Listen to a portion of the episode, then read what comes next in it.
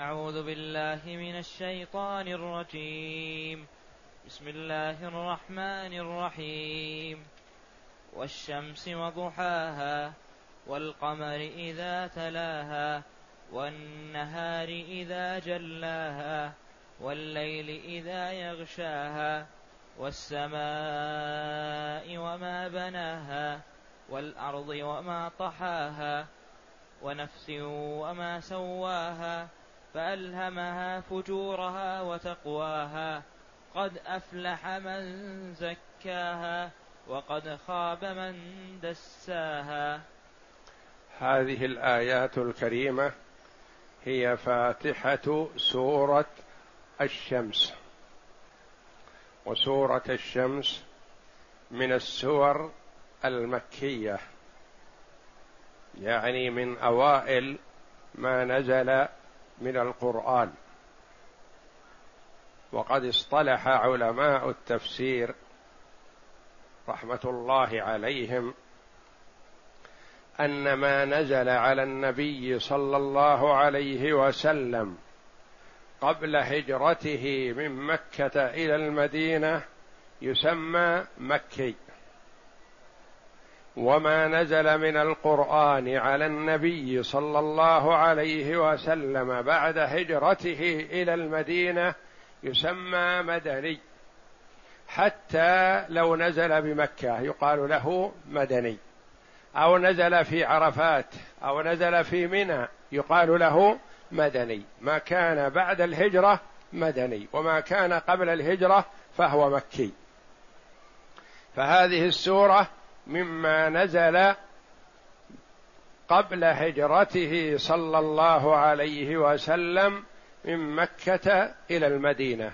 ومن المعلوم أنه عليه الصلاة والسلام بقي في مكة بعد النبوة ثلاث عشرة سنة يدعو إلى التوحيد ولم يفرض عليه سوى الصلاة. ثم لما هاجر صلى الله عليه وسلم من مكة إلى المدينة بعد ثلاث عشرة سنة من نبوته بقي عليه الصلاة والسلام في المدينة عشر سنوات. ثم لحق بربه صلوات الله وسلامه عليه. نزل عليه من القرآن الشيء الكثير ونزلت الشرائع والأحكام والتعاليم. وذلك أن التوحيد هو أهم المهمات وهو آكد أركا الأركان لأن التوحيد شهادة لا إله إلا الله وأن محمدا رسول الله. فهو آكد أركان الإسلام وأهمها وهي الفارق بين المسلم والكافر. من شهد أن لا إله إلا الله وأن محمدا رسول الله حقا هذا المسلم. ومن أبى فهو الكافر. يقول ابن عباس رضي الله عنهما حبر هذه الأمة وترجمان القرآن نزلت بمكة وعن ابن الزبير مثله. وعن بريدة أن رسول الله صلى الله عليه وسلم كان يقرأ في صلاة العشاء والشمس وضحاها وأشباهها. من السور أخرجه أحمد والترمذي وحسنه والنسائي. وقد تقدم حديث جابر رضي الله عنهما في الصحيحين أن رسول الله صلى الله عليه وسلم قال لمعاذ رضي الله عنه هلا صليت بسبح اسم ربك الأعلى والشمس وضحاها والليل إذا يغشى وعن ابن عباس رضي الله عنهما أن النبي صلى الله عليه وسلم أمره أن يقرأ في صلاة الصبح بالليل إذا يغشى والشمس وضحاها. أخرجه الطبراني وعن عقبة بن عامر رضي الله عنه قال أمرنا رسول الله صلى الله عليه وسلم أن نصلي ركعتي الضحى بسورتيهما بالشمس وضحاها والضحى أخرجه البيهقي في الشعب. قوله جل وعلا والشمس وضحاها والقمر إذا تلاها. الآيات. الواو يسميها العلماء يقولون حرف قسم وجر. الواو حرف قسم تقول والله والرحمن والرحيم وجر يعني أنها تجر الكلمة الإسمية التي تدخل عليها والشمس ولا يصح أن تقول والشمس لأن الواو حرف جر. والشمس وضحاها أقسم الله جل وعلا بالشمس. ليلفت نظر العباد إلى هذا المخلوق العظيم. وعظمة المخلوق تدل على عظمة الخالق جل وعلا. إذا كان هذا المخلوق فالخالق أعظم وأجل. والله جل وعلا يقسم بما شاء من خلقه وخاصة ما له أثر للعباد. ما له أثر على الناس. أقسم بالشمس وأقسم بالقمر وأقسم بالنهار وأقسم بالليل وأقسم بالسماء وأقسم بالأرض.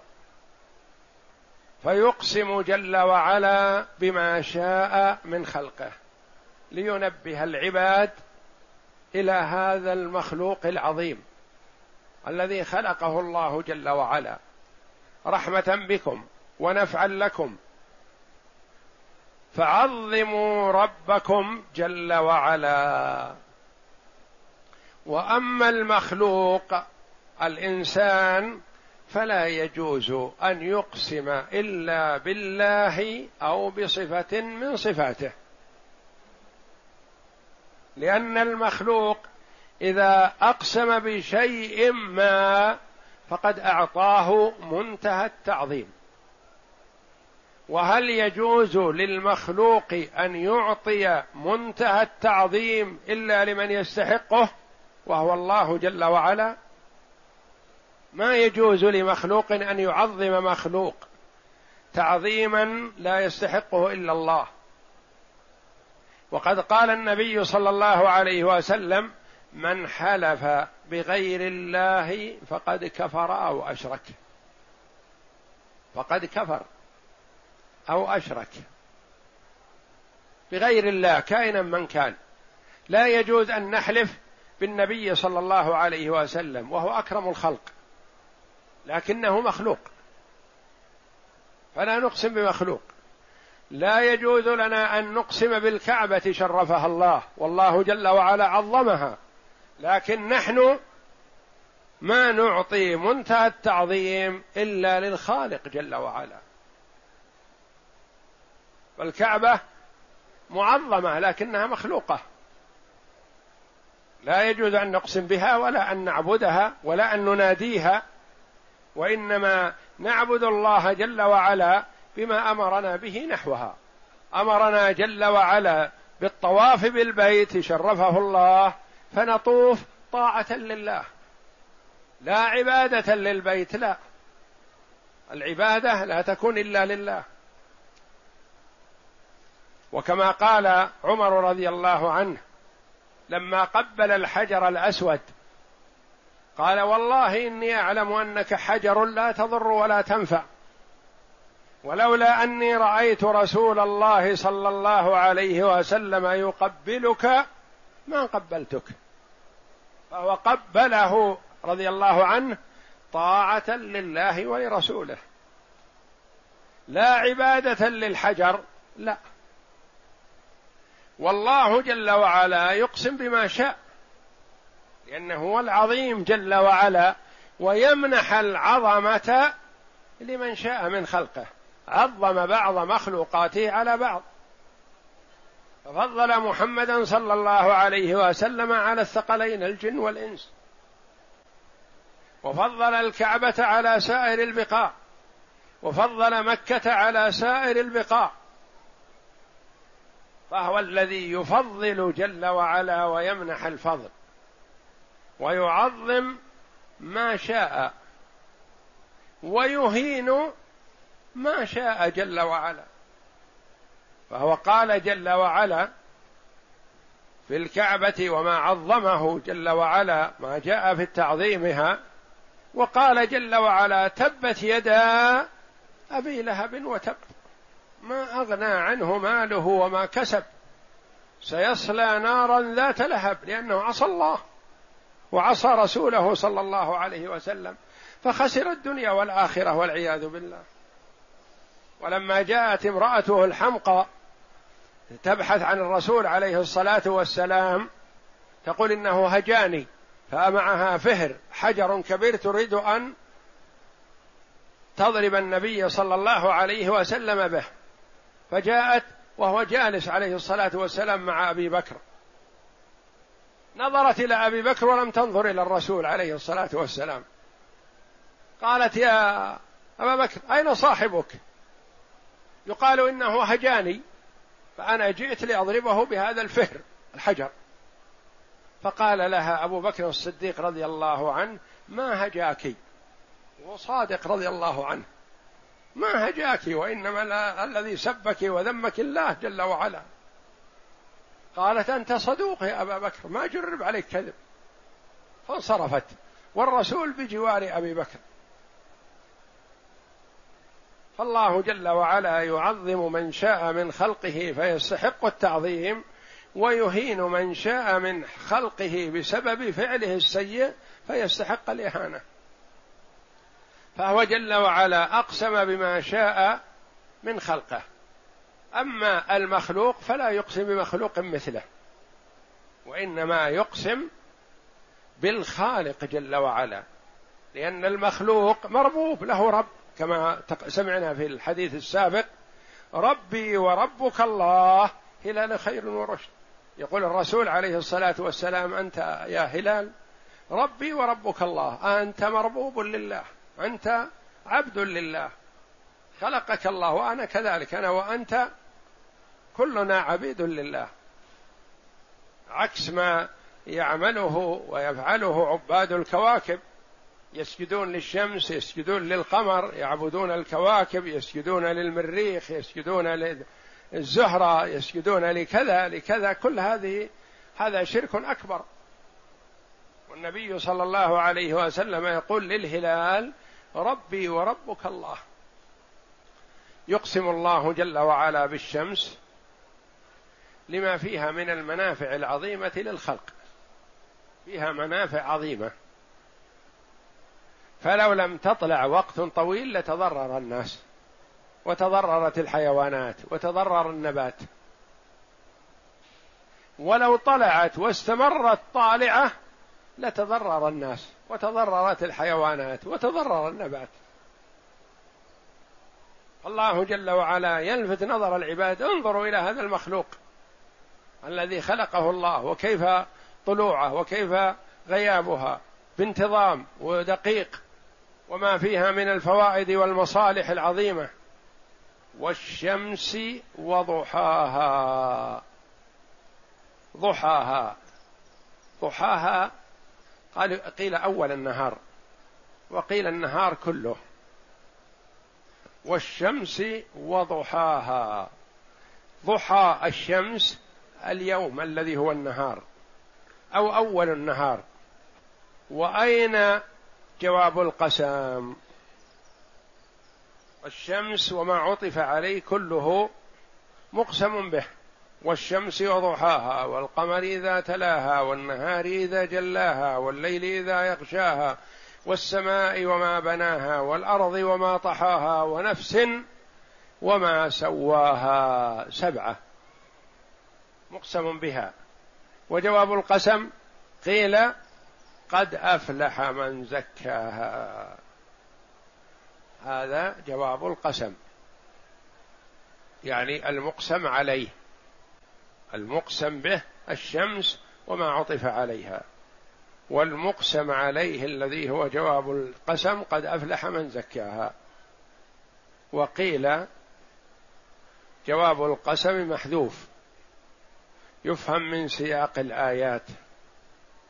لتبعثن لأنها في تقرير البعث. وقيل غير هذا. ليدمدمنها عليكم كما دمدمها على من قبلكم ممن عصى الله. والأول أولى والله أعلم لأن كون المقسم عليه ظاهر وبين أولى من كونه مقدر. والقمر إذا تلاها الواو حرف عطف. عطفت مقسما به على مقسم به سابق. والقمر إذا تلاها أقسم جل وعلا بالقمر لما فيه من المصالح العظيمة للعباد. وليلفت الله جل وعلا نظر العباد إلى هذا المخلوق الذي فيه الفوائد العظيمة. يعرف الناس بها الشهور ويستضيئون به في الليل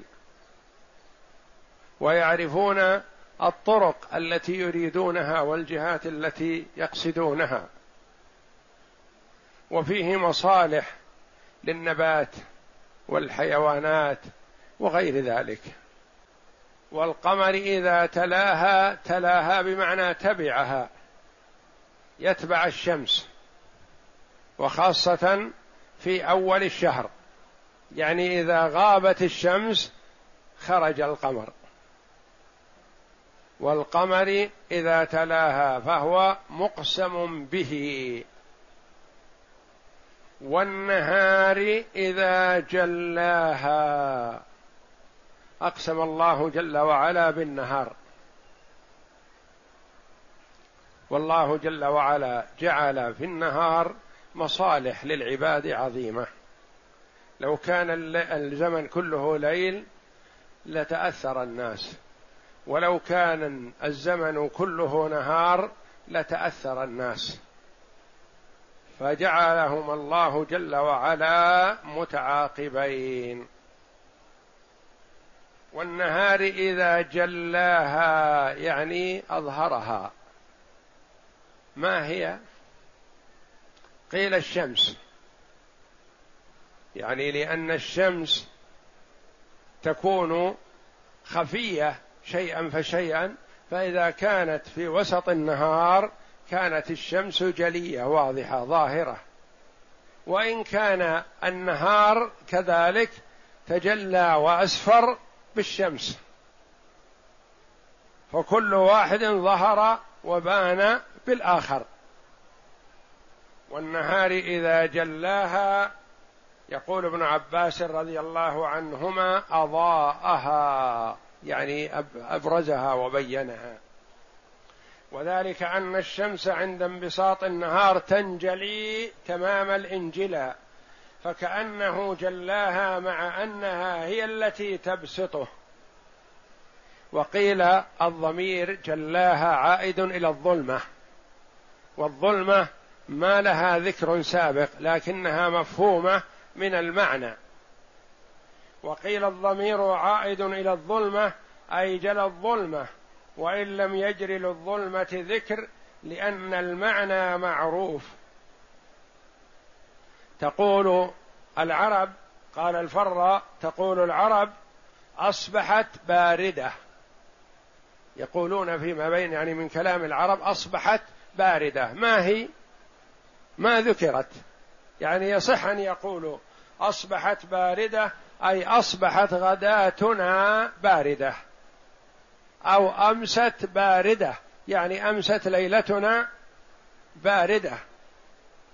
وقيل المعنى جلى ما في الأرض من الحيوانات وغيرها.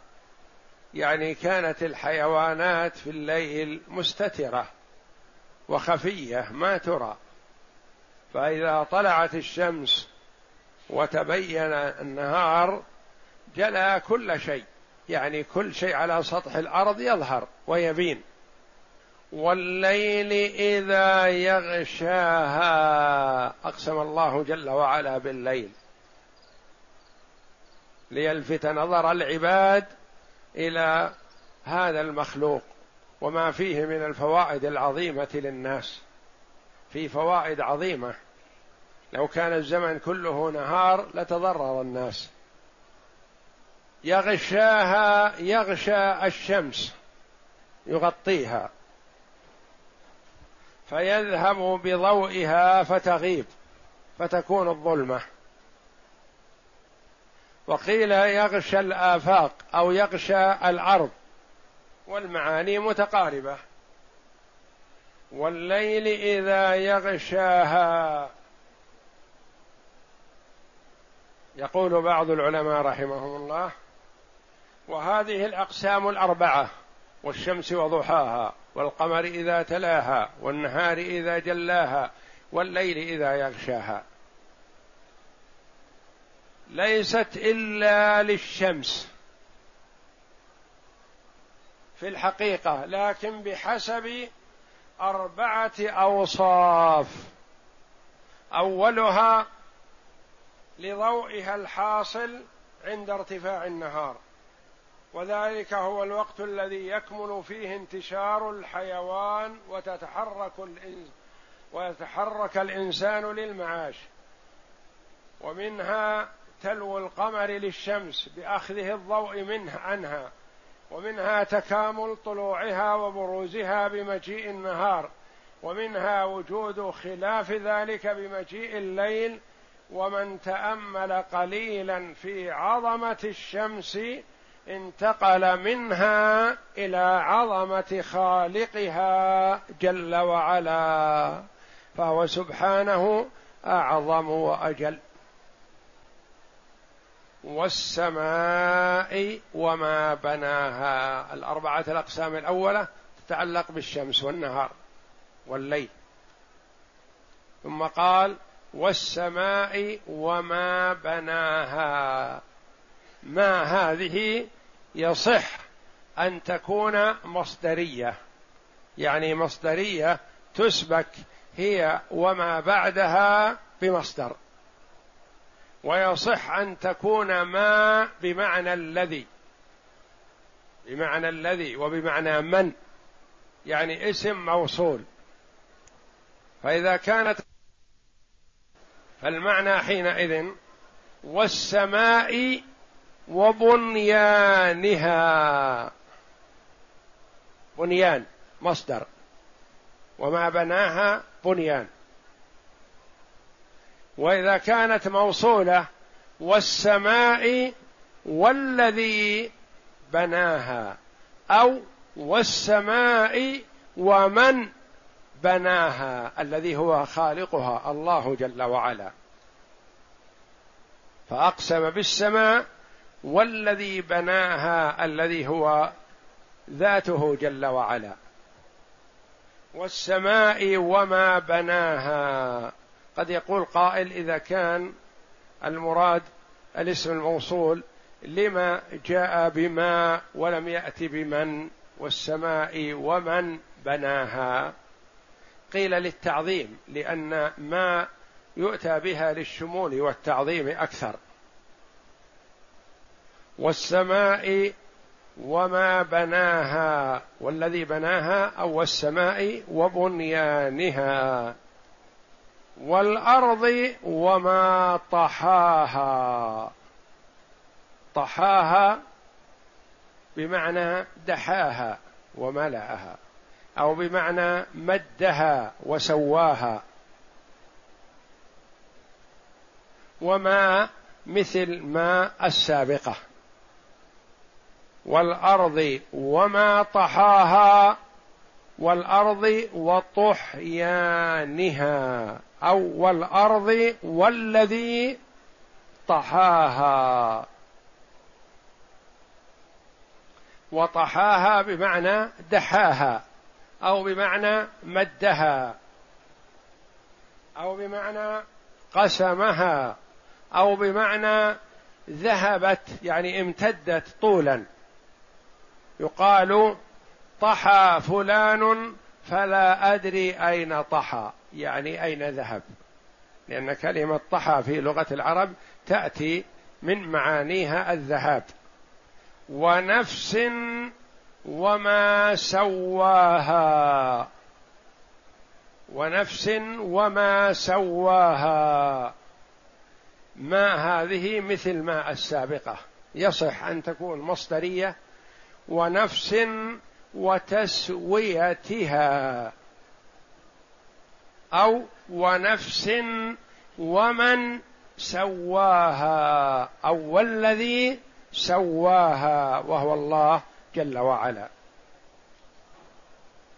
ونفس وما سواها يعني جعلها مستوية جل وعلا جعلها متناسقة. نفس يصح أن يراد بها النفس مطلقه نفس كل حي. وما فيها من الشيء العجيب. هذه الروح تكون في البدن يعمل ويتحرك ويشتغل ويفكر ويخترع ويوجد ويتصرف التصرف الكامل. فإذا خرجت منه هذه النفس صار جثة هامدة. خلق مرمي. وما هي هذه النفس لا يدركها إلا الله. ليست شيء يرى ولا يمسك ولا يحجر في البدن فلا يخرج. ويسألونك عن الروح قل الروح من أمر ربي وما أوتيتم من العلم إلا قليلا. وحالها وعلاقتها بالبدن. تخرج من البدن وهي حوله. وعند أقل حركة ترجع إليه. وتخرج من البدن وتبعد عنه. وهي على علاقة به. وتخرج عن البدن فلا تعود إليه أبدا. بالنوم تخرج الروح من البدن. فعندما تلمسه أو تغمزه تعود إليه الروح بسرعة. المغمى عليه ومن كان في غيبوبة نفسه لها علاقة به ما خرجت. لكن ما تعود إليه بسهولة ويسر. تحركه تناديه تنعط له بأعلى صوتك ما ما يستجيب. تخرج منه في حال الموت فلا تعود إليه. لو اجتمع من بأقطارها ليعيدوا إليه روحه ما استطاعوا. فلفت الله جل وعلا نظر العباد إلى هذه النفس. الحيوان مطلقا. وقيل المراد النفس بالنفس هنا نفس آدم وذريته. والعموم أولى والله أعلم. ثم هذه التسوية التي سوي عليها الجسم والبدن لكل مخلوق ما يناسبه. قامة الإنسان ومشيه على قدميه وحركته ليديه ولبقية أعضاء جسمه وما فيه من المنافع والمصالح التي يعين بعضها بعضا كما قال الله جل وعلا وفي أنفسكم أفلا تبصرون؟ لو تأمل الإنسان ما في نفسه من العجائب لا آمن حق الإيمان بالله جل وعلا. ونفس وما سواها يعني وتسويتها بهذا الشكل. والحيوانات متفاوتة في شكلها وقوتها وأكلها وشربها ورضاعها ونفس وما سواها. وهذه المنافع التي في الإنسان تبدأ من الأصابع والأظفار والمفاصل ومفاصل اليد ومفاصل الجسم عموما هذا الطول. ثم يجتمع ويجلس ثم يمتد ويستلقي. ويرفع عضوا ويخفض عضوا ويتحرك بهذه الحركة العظيمة ويلوي يديه يمينا وشمالا ويحركها. من الخالق لها؟ الله جل وعلا. ونفس وما سواها. مقسم به كذلك. فألهمها فجورها وتقواها. ألهمها الإلهام غير الخلق. ألهمها دلها ألهمها وفقها. ألهمها جعلها. تتقي الله أو جعلها شقية. ونفس وما سواها فألهمها فجورها وتقواها. وفق من شاء من عباده للتقوى. فعمل بطاعة الله على نور من الله رجاء ثواب الله. وحرم من شاء من عباده بعدله فضل. والله جل وعلا لا يظلم الناس شيئا. لأن الله جل وعلا أعطاه العقل والإدراك وأرسل الرسل وأنزل الكتب وأقام الحجة على العباد. فمن اهتدى فبتوفيق الله جل وعلا ومن ضل فبحرمان الله جل وعلا له وقد قامت عليه الحجة. والله جل وعلا لا يظلم الناس شيئا ولكن الناس أنفسهم يظلمون. وكان كثير من دعاء النبي صلى الله عليه وسلم اللهم آت نفسي تقواها وزكها أنت خير من زكاها أنت وليها ومولاها. وأخرج الإمام أحمد وعبد بن حميد ومسلم وابن جرير وابن المنذر وغيرهم عن عمران بن حسين رضي الله عنه أن رجلا قال يا رسول الله أرأيت ما يعمل الناس اليوم ويكدحون فيه؟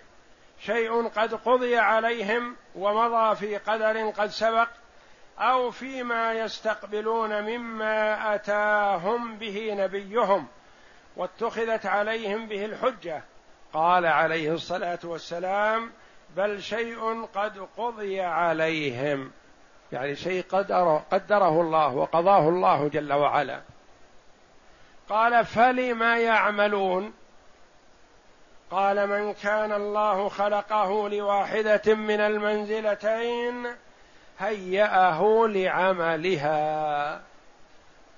وتصديق ذلك في كتاب الله تعالى ونفس وما سواها فألهمها فجورها وتقواها. وأخرج الإمام أحمد والنسائي وابن أبي شيبة عن زيد بن أرقم رضي الله عنه قال كان رسول الله صلى الله عليه وسلم يقول اللهم آت نفسي تقواها وزكها أنت خير من زكاها أنت وليها ومولاها. وزاد كان إذا تلا هذه الآية ونفس وما سواها فألهمها فجورها وتقواها قال فذكره. يعني إذا تلا هذه الآية وقف عليه الصلاة والسلام وأتى بهذا الدعاء. وكان من عادته صلى الله عليه وسلم إذا مر بآية فيها تسبيح سبح. وإذا مر بآية فيها ذكر ذكر. وإذا مر بآية فيها ذكر الجنة سأل الله من فضله. وإذا مر بآية فيها النار والعذاب استعاذ بالله من عذابه. فكان عليه الصلاة والسلام يتدبر القرآن ولا يسرع في القراءة. ويتفاعل مع ما يمر عليه من الآيات الكريمة. صلوات الله وسلامه عليه. قد أفلح من زكاها وقد خاب من دساها. قيل هذا جواب القسم. أقسم الله جل وعلا بهذه المقسمة بها بأنه قد أفلح من زكاها. قالوا والأصل أن تذكر اللام. لقد أفلح. لكن لطول الفصل أغنى عن الإتيان باللام التي يعبر عنها العلماء رحمهم الله. يقولون اللام واقعة في جواب القسم. فإذا طال الفصل ما احتيج إلى اللام. قال قد أفلح من زكاها. يقسم الله جل وعلا بهذه الأشياء بأنه قد أفلح من زكى نفسه. كيف يزكي نفسه؟ بطاعة الله جل وعلا. وقد خاب وخسر من دساها. دساها يعني أخفاها. وغالبا يكون الإخفاء في المعصية. صاحب الطاعة يطيع الله جل وعلا ظاهرا بينا. وصاحب المعصية يخفي معصيته. وغالبا الأمور المحمودة تظهر. ويحرص الناس على ظهورها والأمور المذمومة تخفى. قالوا الكرم في العربي إذا كان كريم تجده ينزل في مرافع الأماكن حتى يراه الناس فيتكاثر عليه الضيفان. الرجل اللئيم ينزل في المخافض في المطامن حتى يمر به المار وهو لا يراه. يعني أي شيء يستره عنه يسلم من مرور الضيفان عليه. المؤمن بطاعته ظاهر الفاجر بمعصيته يخفيها. قد أفلح من زكاها وقد خاب من دساها. فالله جل وعلا يقسم بهذه الأمور وهذه المخلوقات العظيمة بأنه قد أفلح.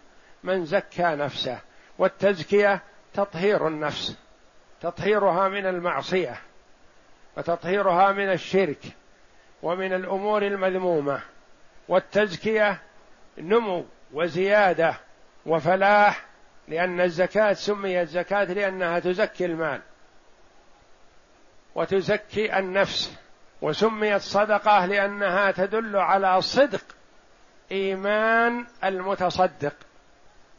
قد أفلح من زكاها يعني زكى نفسه وقد خاب وخسر وسيندم من دساها من أخفاها في المعصية ولم يتقدم لطاعة الله جل وعلا فهو خاسر في الدنيا والآخرة. والله أعلم وصلى الله وسلم وبارك على عبده ورسول نبينا محمد وعلى آله وصحبه أجمعين.